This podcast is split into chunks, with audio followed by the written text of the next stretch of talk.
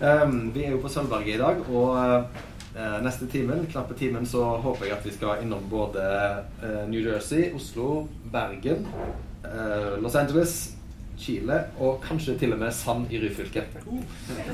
Så det blir en bra reise, som de sier i næringslivet. Um, du er jo her fordi vi skal snakke om uh, den boka du ga ut i fjor, som heter 'Bergen ungdomsteater', som ser sånn ut. Kan dere låne på Sølvberget. Eller kjøpe i butikken. Eh, for, for, å ta det kort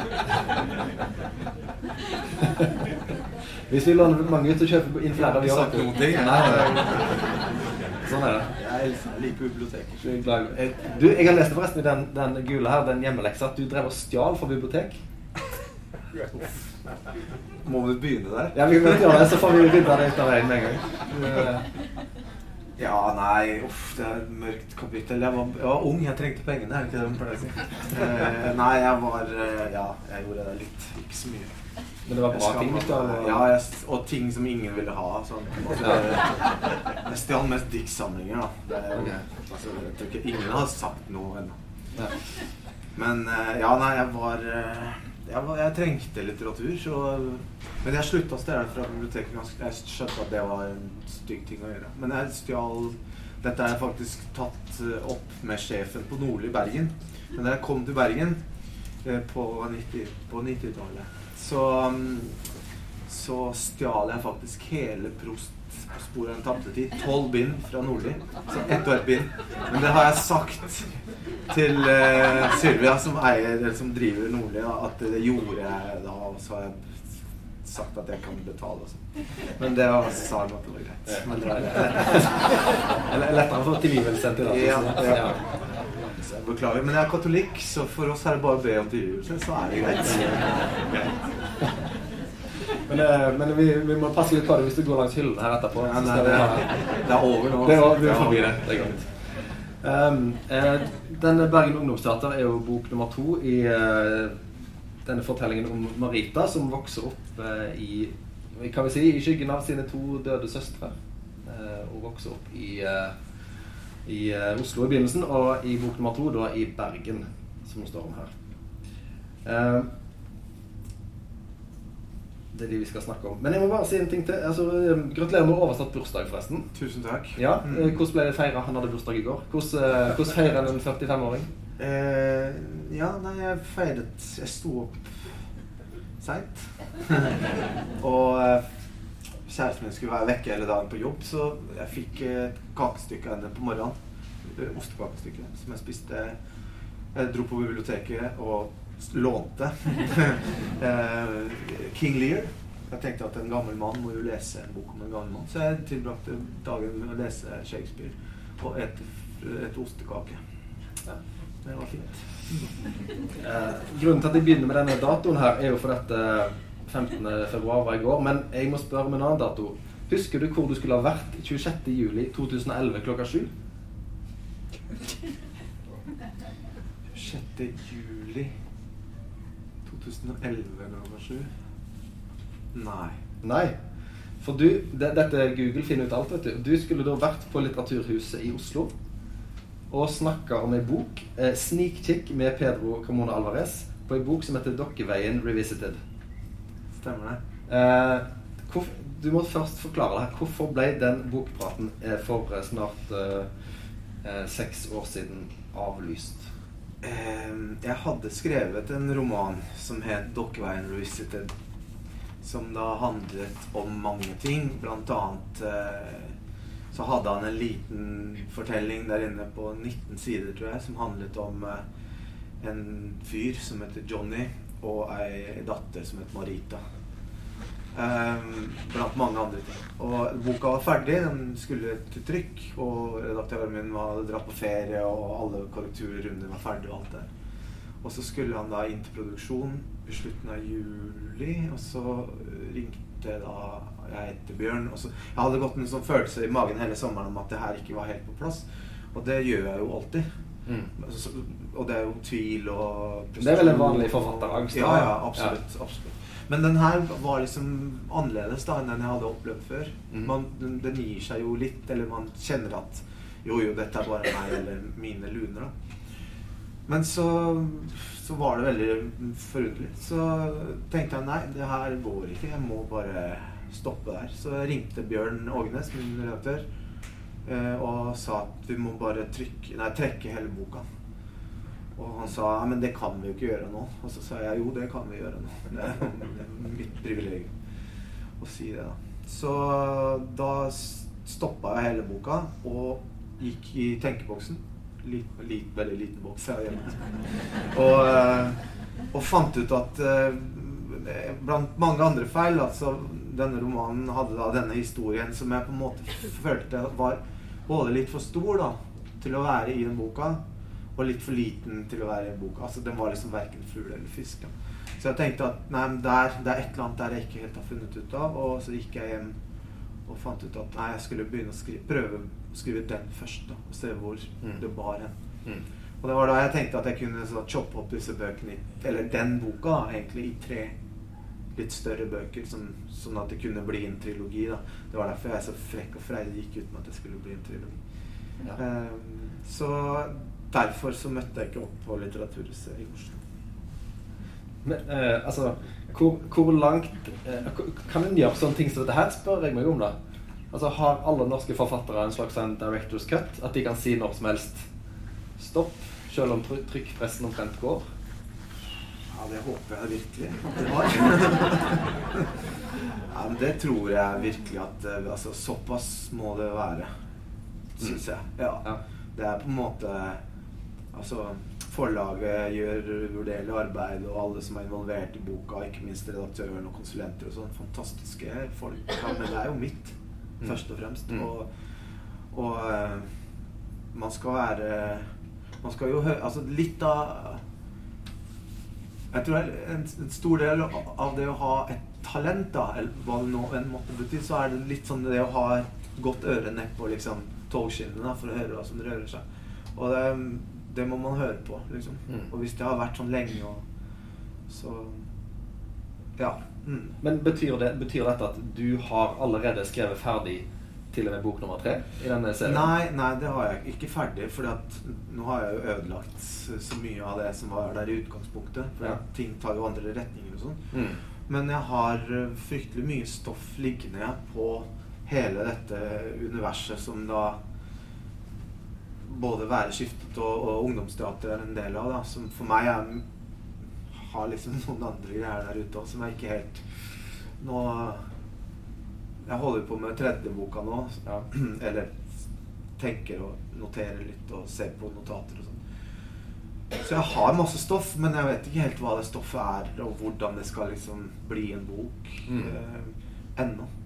For du, du nevnte jo dette med at den, eh, den, historien som ble bok nummer én, det er en liten del av den opprinnelige boka som du har forstørra. Ja. Kan du si noe om andre ting som har endra seg eh, i din revisjon av det, det opprinnelige prosjektet ditt? Um, ja, hele Altså, det, ungdomsteater er jo på en måte en sånn uh, Den tredje boka som skal komme, da, hvis jeg kan si noe om det, så den, en av de karakterene i andre bok, en som heter Andreas Garman, som er en av de tre hovedkarakterene i Bergen Ungdomsteater, han er veldig viktig i, i dette universet på en, på en måte. etter hvert. Jeg har vært veldig opptatt av, av sånn uh, kunstran. I, kunstran. ja, sånn folk som driver og Altså På 90-tallet, da etter første Gulfkrigen, så ble jo Etter at Irak fikk så masse sanksjoner mot seg, så ble jo alle arkeologene pælma ut fra, fra Irak. Mm. Eller trukket ut fra ja, og, og, da var det fritt vilt for folk å plyndre gamle, gamle eh, arkeologiske gravningsplasser og sånn. Mm. Så en, en, masse Det dukker opp veldig, veldig mye um, kunstgjenstander fra Irak, gamle Mesopotamia, i kunstverdenen i løpet av 90-tallet. Ting som, som, aldri har dukka opp før. da ja. Og som da er eh, et resultat av at alt går til helvete i Irak. Blant annet så er det en norsk uh, kunstsamler som heter Martin Skøyen, som sitter på helt enorme mengder udokumentert uh, greier. da, Fishy opplegg. Så jeg har vært uh, liksom langt ned i den biten da, i mange år. Men jeg har liksom aldri fått det ut. Fordi at jeg måtte skrive meg gjennom Maritas ungdomstid først. Ok, Så det blir mye sånn eh, kunstkrim i neste roman? Er det sånn? Eller? Jeg veit ikke. Jeg håper det. Jeg håper at det blir kunstkrim og, og spøkelser. Jeg har lyst til å skrive mye om spøkelser. Ok, ja. For, eh, men jeg lurte på eh, Hvis noen får lyst til å hjem og google den her eh, teksten på hva som skulle skje på Litteraturhuset i 2011, så står det jo veldig avslørende her om hvordan det går med disse karakterene. Er det riktig ennå? Eller kan vi gå ved Jeg skal ikke lese det høyt, for da kan vi ødelegge alt. Men kommer det til å skje, det som står her nede? Ja, det er planen. Det. Oi, da må jeg ikke For det her eh, står jo tydelig time bok tre, da. Så det, Det skal jo sies, da. Jeg håper jo at bøkene mine på en måte er sånn at Altså sånn som i første roman, da, sånn, da så Hele handlinga står jo på baksida. Det gjør det vel for så vidt her og på andre boka. Så jeg håper jo at romanen også har At det at man kjenner plottet på, på en bok, ikke nødvendigvis gjør at man ikke kan lese den. Så Men jo da, jeg har tenkt å mm. Mm. Eh, jeg leste intervju med deg hvor du fortalte litt om, eh, om arbeidet ditt som skrivelærer på Skrivekunstakademiet i Bergen. Mm. At, eh, at en kunne ikke bare at en kunne ikke bare framstille inspirasjon som noe veldig sånn luftig. En måtte konkretisere. Så jeg lurer på om du kan si litt om inspirasjonen for denne bokserien. Uff, ja, inspirasjon er vanskelig, for den er veldig sånn Både veldig liten og veldig stor. på en måte. Den kan være liksom så mange ting. da. Den kan dukke opp eh, i sånne små øyeblikk og i over lengre strekk og sånn. Jeg tror at for min del så Jeg er jo liker jo vel, vel egentlig først og fremst å, å, å fremstille meg sjøl som en poet. Er jo egentlig det jeg har drevet mest med. Skrevet dikt og oversatt dikt og sunget mye og skrevet sanger og sånn. Så det er på en måte lyrikken og poesien som ligger meg sånn nærmest, og som er mest naturlig språk. Det er sånn det ser ut inni hodet på meg, liksom sånn som diktene ser ut. Men, eh, men jeg har jo hatt veldig lyst til å lære å skrive romaner. Jeg har jo hatt veldig lyst til å lære å skrive noe som på en måte kan være strukturert, sånn at andre folk andre folk kan ha glede av dem òg, og ikke bare eh, Diktene er på en måte Dikt, dikt er jo for Altså, folk, folk leser, eh, leser ikke så mye poesi. Og um, så en stor del av min inspirasjon har jo vært liksom å lese fantastisk gode eh, romanforfattere og tenke at det har jeg, har lyst til å prøve på. Jeg har lyst til å prøve også å lage noe som ser sånn ut, eller som kan ha den eh, en sånn slags eh, sånn kraft da, på, på andre. Da. Det har jeg hatt lyst til. Eh, ellers så, så har jeg også eh, i, altså, Når inspirasjonen er liten, så er det som f.eks. Du, du skriver en setning en dag som inneholder da eh, ei jente som heter Marita, og faren som sitter på en strand i New Jersey, og så blir du nysgjerrig Mm. på hva er dette jeg, Dette her kom fra ingen steder, liksom. Så det var der dette begynte for deg? Med, for meg begynte det med han faren til Marita som sitter Han har nettopp vært i USA og begravd sin far. Mm. Tatt på seg sin døde fars frakk.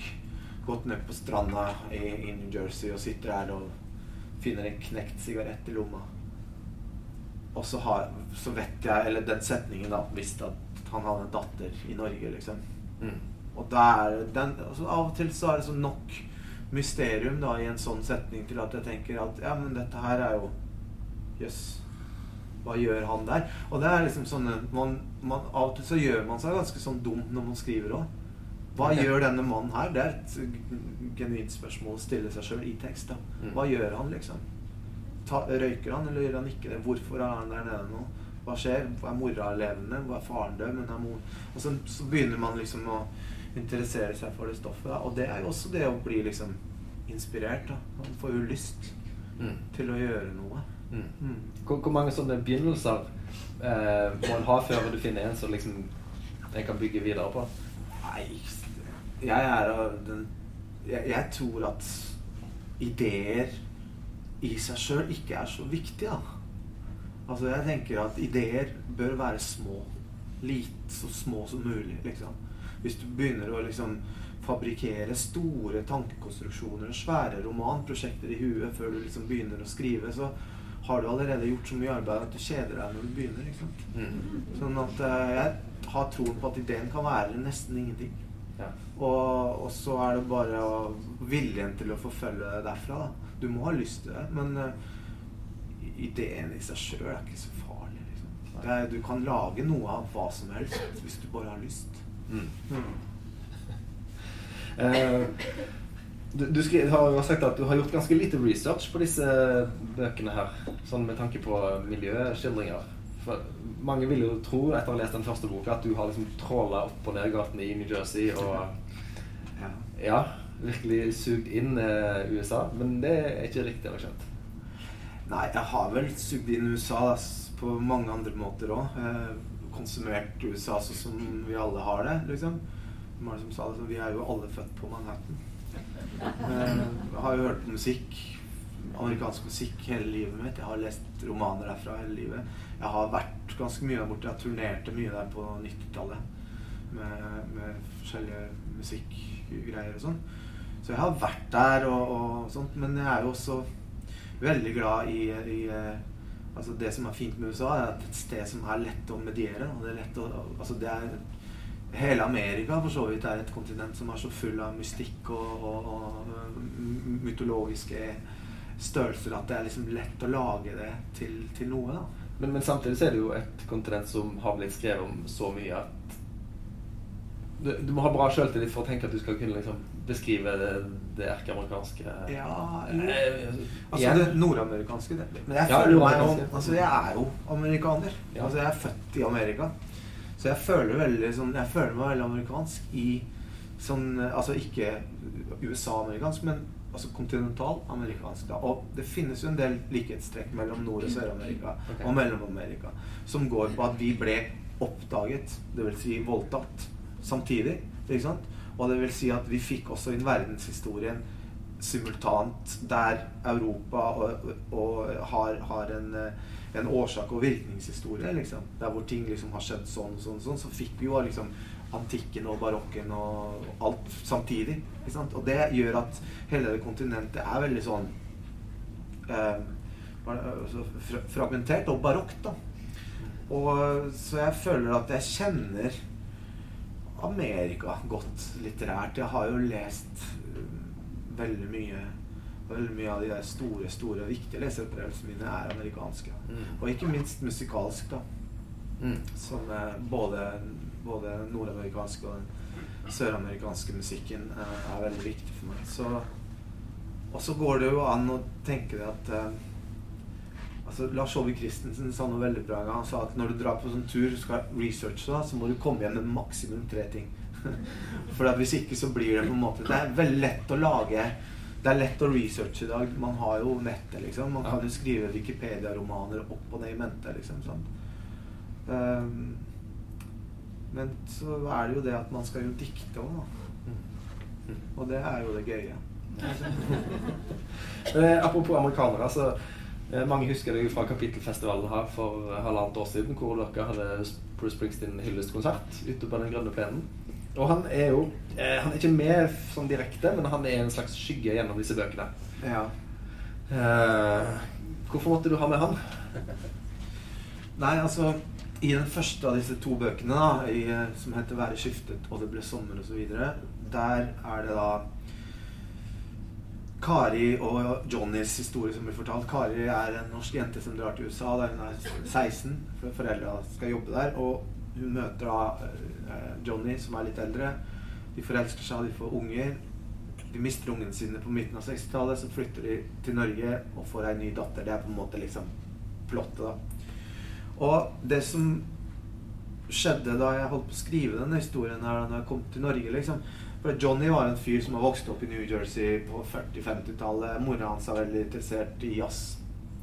Og, og, og, liker liksom bop. Det er hennes musikalske greier som har gitt videre til ungen sin. Da. Og så Denne fyren vokser opp da i, i New Jersey og er jazz, en jazzfyr, eh, rett og slett. Eller interessert. Det er det han liker. Men så kommer han til Norge da, og oppdager det at han for det første så er han litt sånn språkløs og forvirra her i Norge. Og begynner å for første gang å se sin egen hva skal man si, nasjonale identitet da, på, en, på en, en, avstand som tillater ham å, å, å, se ting som han ikke har sett før. Og blant annet så savner han jo landet sitt. sant? Mm. Og, og, hvordan skal han døyve det? Eller hva? Så finner han da i Bruce Springsteen sine første plater, og det er ikke tilfeldig, fordi at de er fra samme sted. Og så er det en kompis han som sender en plate. Du, har du, har du hørt om denne unge kiden, Bruce Springsteen? Han er jo fra nabolaget, liksom. Han er jævlig bra. Så sier Johnny sånn Jeg liker jo ikke sånn musikk. Jeg liker jo jazz.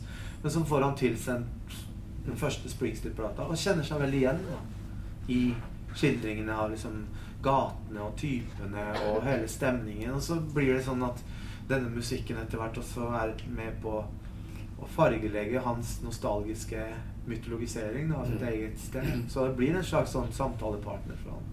Ja, så, men han lengter da tilbake til et USA som er det springsteenske? Mer enn sånn som det faktisk kanskje var når han bodde der? Ja, han lengter jo også tilbake til uh, Altså, jeg tror den springsteenske Det han lengter tilbake til, er jo sin egen uskyldstid. ikke sant? Tiden før disse døtrene døde. Tiden før denne katastrofen inntraff. Da han ennå var ung og levende og trodde på at det gikk an å Altså, den, den, unge, den unges drøm, da. Om at det mm. går an å komme seg ut herfra. Vi skal et sted. Og det er en eller annen sånn energi da i, i Springsteens skildring av den her uh, ungdommelige krafta mm. som nesten er sånn Ikaros. Uh, full av sånne Ikaros-aktige skikkelser da, som bare må fly, liksom, og så brenner de seg. Mm. Og det er på en måte det Johnny ser. da, den her, Vi var der, liksom. Men mm. nå, hvor er vi nå? Jo, nå er vi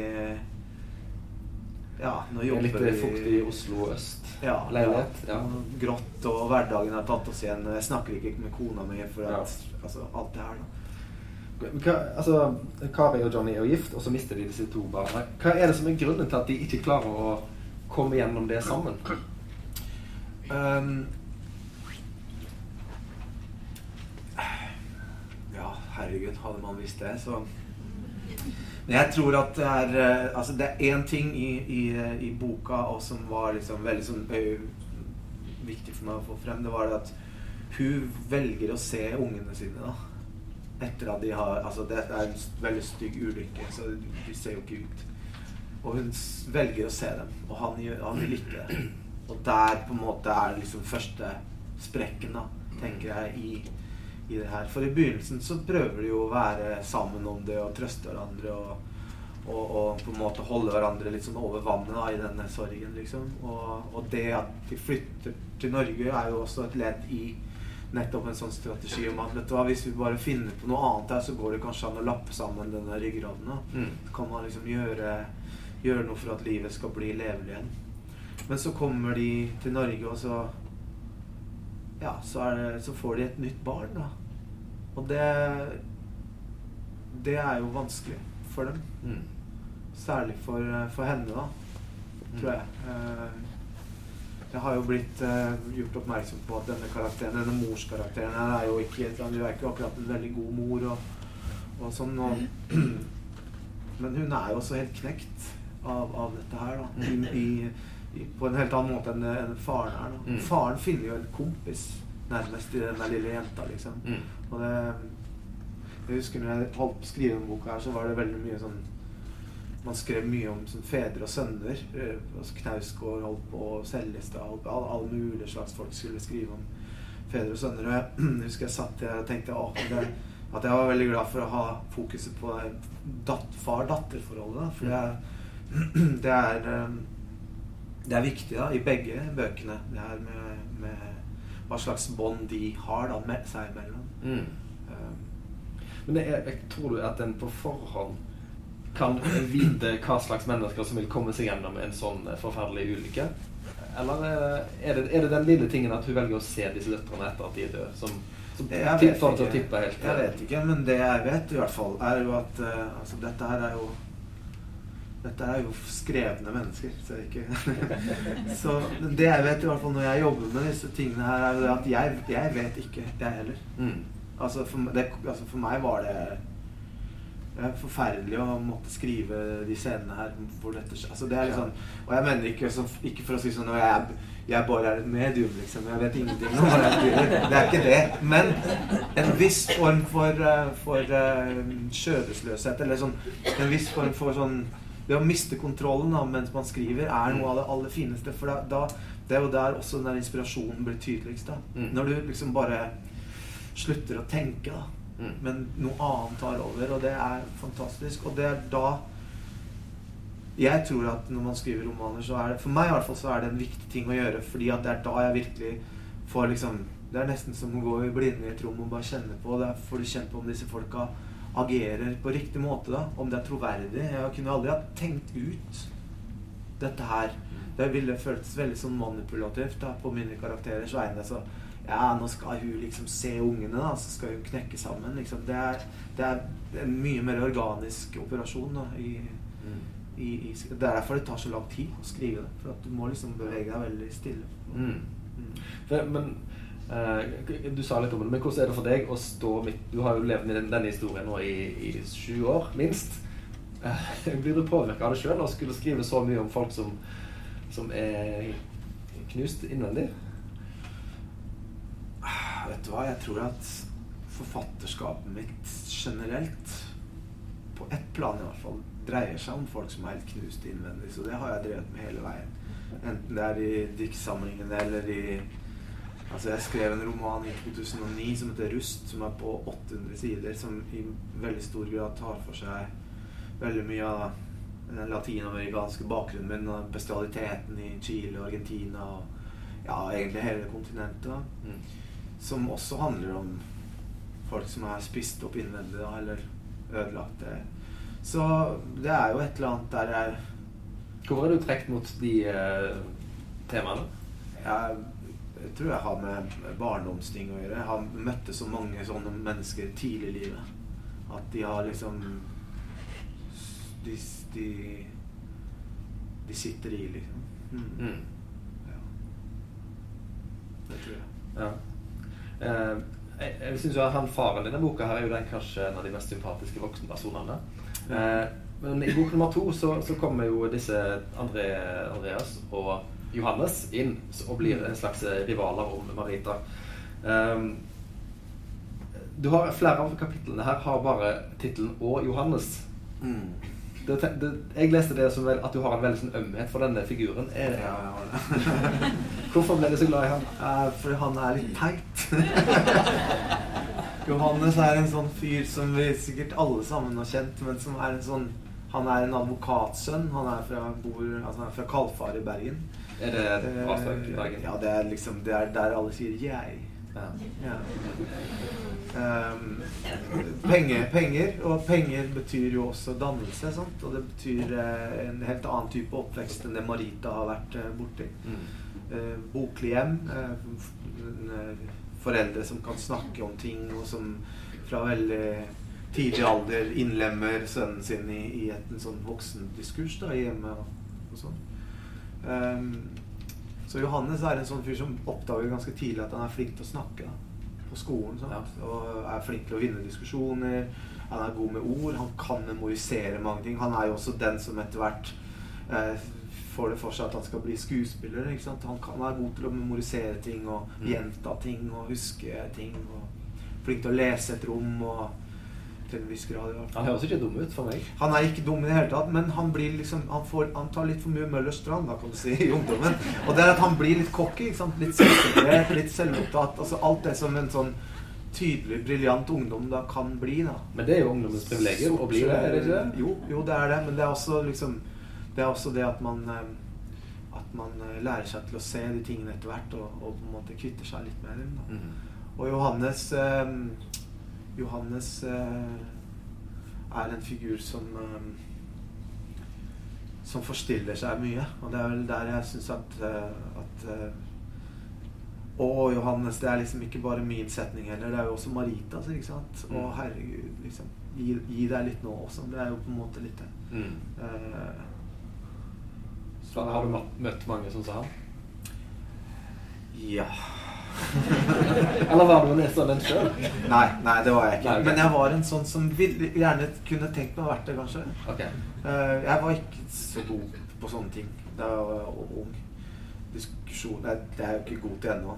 Men eh, nei, ikke en sånn fyr i det hele tatt. Og jeg var veldig misunnelig på dem som var det. Jeg jeg hadde jo en del sånne folk i bekjentskapskretsen min som var liksom skikkelig frikete og veldig smarte og spisse og sånn. Mm. Men som kom fra denne typen hjem som var litt skumle da, for oss som var litt sånn raggete middelklassekatter. Mm. Som de der hjemmene hvor de liksom de, de, hadde lest mye og kunne mye og kunne snakke om ting. og ja, Man ble litt redd, de folka der, liksom. Ja. Så jeg, jeg, var nok heller litt sånn at jeg hadde nok misunt Johannes der, hvis jeg hadde vært ung. Okay. Mm. Når mm. var det du begynte å liksom, se baksiden av, eh, av de? Eh, nei, da de begynte å dra på Da de begynte å gå på Blitz og være superradikale, men de dro alltid på interrail med pappas visakort i baklomma i tilfelle. Da tenkte jeg at ja. Det er blitt sagt veldig mye om, om disse bøkene at, at, sorg er et stort tema. Men sånn som du nevnte med Johannes nå, så tenker jeg at et annet stort tema er jo språk.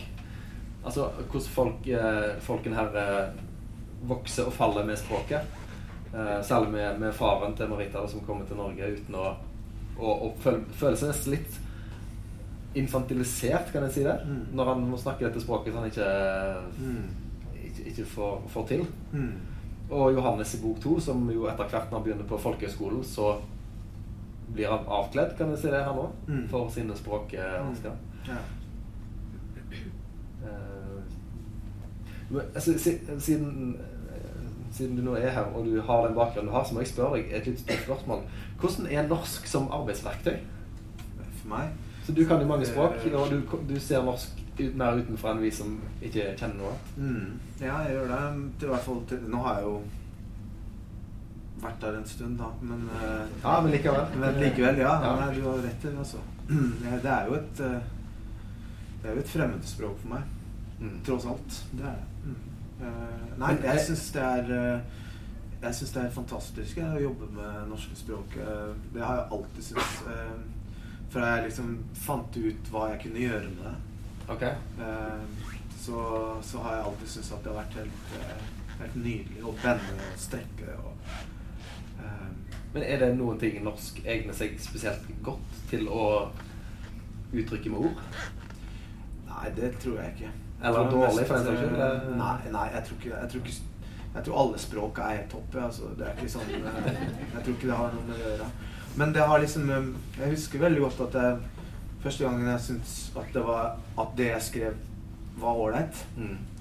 var da jeg på en måte fikk et sånn uh, fornemmelse av at jeg brukte det norske språket, men hadde en slags sånn resonans av en eller annen spansk språklig kadens, eller en eller annen sånn lengden på setningene, f.eks., eller um, en, en, rytmikk da, som er kanskje fremmed da, for, for, det norske språket. Mm. Da jeg følte at jeg kunne liksom gifte mine to Ja, hva skal man bruke da? for en metafor. Men gifte dem, da. Eller lage dem til en ting, liksom. Og, mm. og, og ta liksom den herre For spansk er jo er jo bygd opp annerledes. Det er et, et språk som er mye mer eh, ornamentert og mer barokk enn en det norske språket. sant? Mm. Eh, mer bøyelig på mange altså Norskspråket er stivere, så, sånn verbmessig og uh, hvordan man bøyer ord, klasser og sånn. Det, altså, det, er mindre muligheter for å være sånn eh, flåttenfeier, da. Og hvis, hvis en er det, så får en gjerne høre det. det Hva sa du? Og hvis en prøver på det, så får en gjerne høre at nå prøver du å være litt vel flåttenteier. Ja, men det, altså, bare rett og slett grammatisk. Altså, hvordan, altså, hvordan, et verb på norsk så heter 'jeg har spist brød', 'du mm. har spist brød'.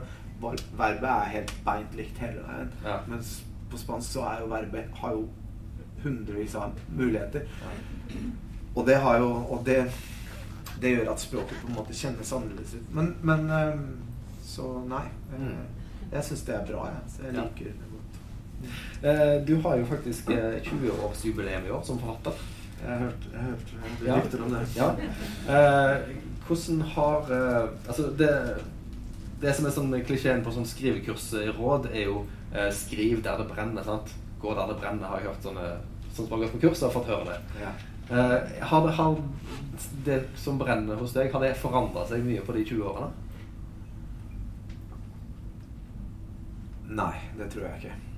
Det tror jeg ikke. Jeg tror at uh, Jeg tror at uh, det er de samme tingene jeg er opptatt av nå som for 20 år siden. At mm. jeg angriper dem litt forskjellig og, og, og, går inn igjen fra forskjellige plasser og sånn. Men uh, tematisk sett.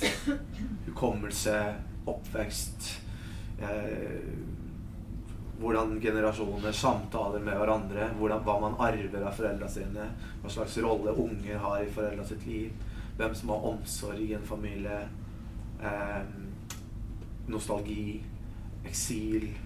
Vold lemlestelse De tingene er de samme. Altså. Mm. Ja, jeg holder på med det samme. Ja. Ja. Så det, det, du ser for deg det er det som kommer til å bli ditt forfatterskap? eh? Ja, jeg ser liksom ikke noe annet der ute som Det var jo ganske mange sånne men, liksom, men når det er sagt, så altså, er jo disse tingene sånn enormt elastiske. Og du kan jo gå inn i disse historiene eller disse her interessefeltene fra veldig mange forskjellige steder. Da. Ja. Og bøkene mine er jo forhåpentligvis også forandrer seg jo i, i, eh, i, i uttrykket. Språklig så er disse romanene her veldig annerledes enn den romanen jeg skrev i 2009, f.eks., som har en helt annen type energi, en annen type skrift i seg. Mm. Eh, og diktene, ikke minst. At diktene også forandrer seg jo fra bok til bok. Og, så det er på en måte litt sånn mm. Eh, Jeg leste en, en setning, en beskrivelse her. Eh, Karakterene hans leter i randen av en virkelighet som er skutt i filler. En virkelighet der språk er avmakt. Det er jo da ikke skrevet om, om de bok, men det er du som har skrevet det om eh, Roberto Bolanio. Men jeg tenkte at, er, at dere er, opererer litt i samme landskap. At han er et forbilde for deg. Ja, Bolanio var en, en stor Altså Bolanio var grunnen til at jeg klarte å skrive en roman. Liksom. Han viste meg hvordan jeg skulle liksom løse oppgaven. Han var sånn, altså, en så respektløs forfatter at han han, tenk, han gjorde egentlig altså Jeg husker jeg leste en roman han som heter 'Ville detektiver', som kom ut på norsk for en del år tilbake. Og de første 150 sidene av den boka handler om uh, unge marihuanaselgende boktyver i Mexico City som, uh, som er unge og ungdommer, og de ligger med hverandre og røyke tjall og stjele bøker og er superopptatt av litteratur. Og så etter 100 sider, 150 sider så brytes boka tvert av, og så etterfølges eh, og så, så er det 400 sider etterpå med monologer da fra over 40 forskjellige karakterer som har møtt disse to ungdommene i løpet av en 20-årsperiode. I all mulig slags steder i verden. Så hele boka går liksom i stykker. da Ja. Foran øynene. Så jøss, er det lov? Liksom? Er det, kan, kan man bare ødelegge en bok sånn? Og det var sånn Og Bolanjo Alt han skriver, er sånn Ja, det kan du hvis du vil. Ja. Så, så for meg var det en veldig sånn forløsende ting å lese ham, for jeg tenkte at ja, men da er det bare å, å kjøre på og stole på at instinktet liksom vil bære dette. Du lærte en slags sånn respektløshet?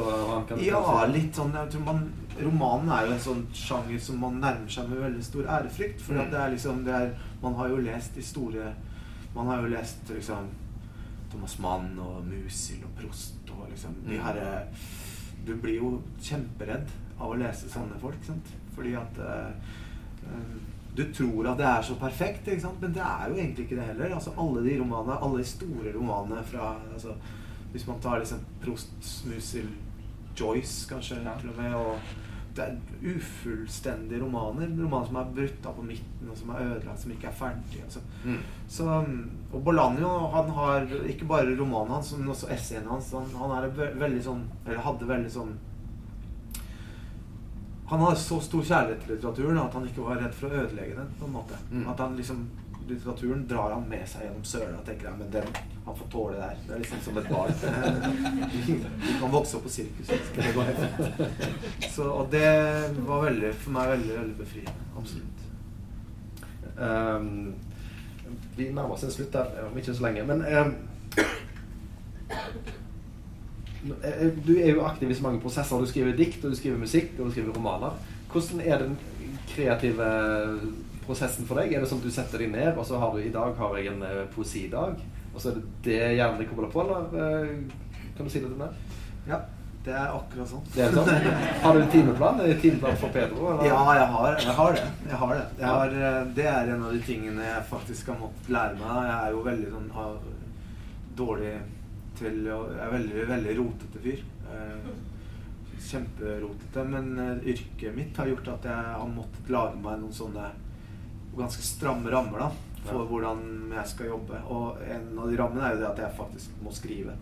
Og det er jo sånn Det har man jo egentlig aldri så veldig lyst til. Nei, Man er, man er redd for den hvite sida, man er redd for å komme videre. Det er liksom et eller annet med at det er trygt å gå og tenke på ting og tenke altså, ja, men jeg Åh, hvis jeg bare hadde hatt den nye Mac-en, så skulle jeg nok ha skrevet en supergod roman. Liksom. Men jeg får bare Nei, jeg får ta kula litt, spille gitar i dag. Også. Men, eh, så jeg har liksom perioder da jeg tenker at eh, denne uka her, eller de tre dagene denne uka her, da, så skal jeg liksom se på diktene mine. Da har jeg liksom Til onsdag så har jeg liksom dikt Da er det poesi jeg skal drive med, liksom. Mhm. Og så tenker jeg at det gruer jeg meg litt til, men da har jeg sånn at Men torsdag og fredag, da kan du gå i kjelleren, så kan du spille elgitar i to dager. Okay. så da får jeg liksom Og da tenker jeg at når, når jeg er nede i kjelleren og spiller gitar i to dager som en slags belønning, da, så kommer det alltid noe ut av, de, av den lettheten, da. Ja. Og omvendt, da. Hvis jeg har sånn som nå har jeg, jeg skal gjøre to-tre konserter neste uke, så nå er jeg bare innsauset i musikk. Og det, nå har jeg hatt en uke som hvor jeg liksom har måttet være nede i kjelleren og øve gitar og spille og memorere tekster og sånn. Mer som en plikt, ikke som en lyst. Jo, men det er lyst òg. Men Ja. det er litt sånn jeg må. Mm. Altså jeg må ha lyst til å gå ned der og gjøre det. Da har jeg sittet nede og spilt gitar, og så har jeg tenkt Men å, bare når onsdagen kommer, eller torsdagen kommer, da de to siste dagene i uka så skal du se på diktene. Og det blir knallfint. Og da går jeg inn i den verden med en enorm letthet. Og liksom, så det er, eh, det er veksel eh, Det er veksling hele tida. Mm. Absolutt. Når kan vi vente bok nummer tre i denne serien? her? Uff, ja, si det. Jeg veit ikke helt. Jeg veit ikke helt. Jeg, jeg tror alltid jeg skal bruke mindre tid på romanene enn jeg gjør. Men eh, nå holder jeg på med Jeg holder på med en diktsamling nå som skal ut i høsten. Og så har jeg begynt på et eh, prosjekt der jeg skal skrive en bok om sanger. Om eh, en slags litt sånn, hva skal man si, kvasi-fagbok. Om sanger og sang... Altså Om konkrete sanger, eller mer om sanger generelt? ja, sangtradisjoner. Hva slags forhold folk har til sanger, og hva slags dialoger folk har til musikk. Og hvordan man lever livet sitt gjennom musikk, da. Mm. Mm. Så det er det som ligger på arbeidsbordet først. På en plate. Så Men jeg håper at jeg får tid til å gjøre det Hvis jeg får en bråte med penger, så skal jeg klare å få det ferdig på et par år. Mm. Ok. Du får sende oppfordring til redaktøren. Ja. Um, er du en spesielt god leser av dine egne tekster, siden du jobber som uh, skrivelærer for andre? Kan du sjøl se hvor du er litt tynt ute? Og er du enig med redaktøren din om hvor du er god, og hvor du er mindre god? Uh, ja, jeg vil Jeg tror det. Jeg tror det. Jeg tror jeg er ganske Nå har jeg undervist i skriving også i veldig mange år, og, og det er, som jeg sa i sted, en utrolig kjekk jobb. Og veldig, veldig givende, og utrolig sånn um, Det tvinger jo meg til å være Jeg må være presis når jeg gir tilbakemeldinger til mine studenter. Jeg er nødt til å være konkret og konstruktiv, og jeg kan ikke komme inn i rommet og si Ja, her er det noe greier. så det, det må være litt mer presist enn det. Og gjennom det arbeidet der så har jeg jo også måttet lese meg opp på mye narratologi og narrativ teori og masse sånne greier som man egentlig aldri får bruk for direkte, men som man da indirekte kan få bruk for. da. Og, um, så ja, jeg tror jeg har blitt en bedre leser i forhold til det som har med strukturering av, eh, av svære, eh, av svært stoff å gjøre. Mm. Det tror jeg jeg har blitt bedre på. Og, og magen er veldig god å ha sånn når man skriver. Man, man kjenner intensiteten i teksten. Her er det noe som er ordentlig bra. Dette jeg kjenner jeg skikkelig bra. Mm. Det andre litt mer transportetappe. Men vi skal få det her bra òg. men det, det krever litt mer arbeid. Det er liksom forskjellen på det som man kan kalle for gavetekster, som er de strekkene eller de tingene som bare nesten er sånn at du bare er en antenne. De bare Mm. kommer til deg. Altså, dette er spesielt i poesien og i, i musikken kan det være veldig sånn. Og så har du da slavetekstene, som da er de som du må jobbe mer og piske til å okay, så gavetekst og slavetekst, det er to begrep vi kan Ja, ta med jeg, jeg, jeg tror det er Ja. eh, sånn for veldig mange forfattere. Ja. Um, uh, I den siste boka di så kaller du jo Bergen for en regnfylt kjeller av en by. Uh, og jeg måtte jo da google selvfølgelig hvor mye regner det i Bergen på et år. Og der regner det 2250 millimeter. Uh, og du bor for tida i Sand i Ryfylke, og det er jo ikke så mye bedre. Det regner 50 millimeter mindre der i året. Så det, det er gode to meter med regn der òg. Det er som å være på Hawaii. Og så måtte jeg gå, og så måtte jeg gå da, selvfølgelig sjekke eh, fødebyen din, La Serena i Chile. Der er årsnedbøren 100 millimeter. Mm. Så du bor da i en 20 ganger mer eh, våt, uh, våt miljø enn du jeg husker da jeg var barn i Chile. Når det regna, så, så, hadde man fri fra skolen.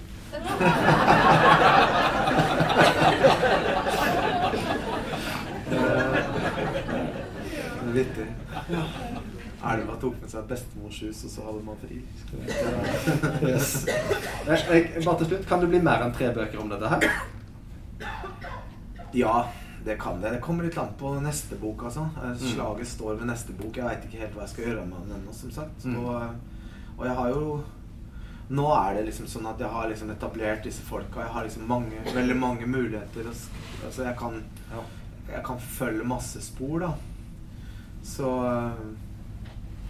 Ja, herregud. Jeg har lyst til å Det er fortsatt ting der jeg ikke helt har funnet ut av, ja. som jeg har lyst til å jobbe med. Mm. Eh, hva er, det, hva er det som er faresignalene hvor du føler at du begynner å gå tom for materiale? Vil du merke det? Tror du at det nå har jeg ikke mer i? Ja, du må ikke gå på en Jarle Klepp, vet du.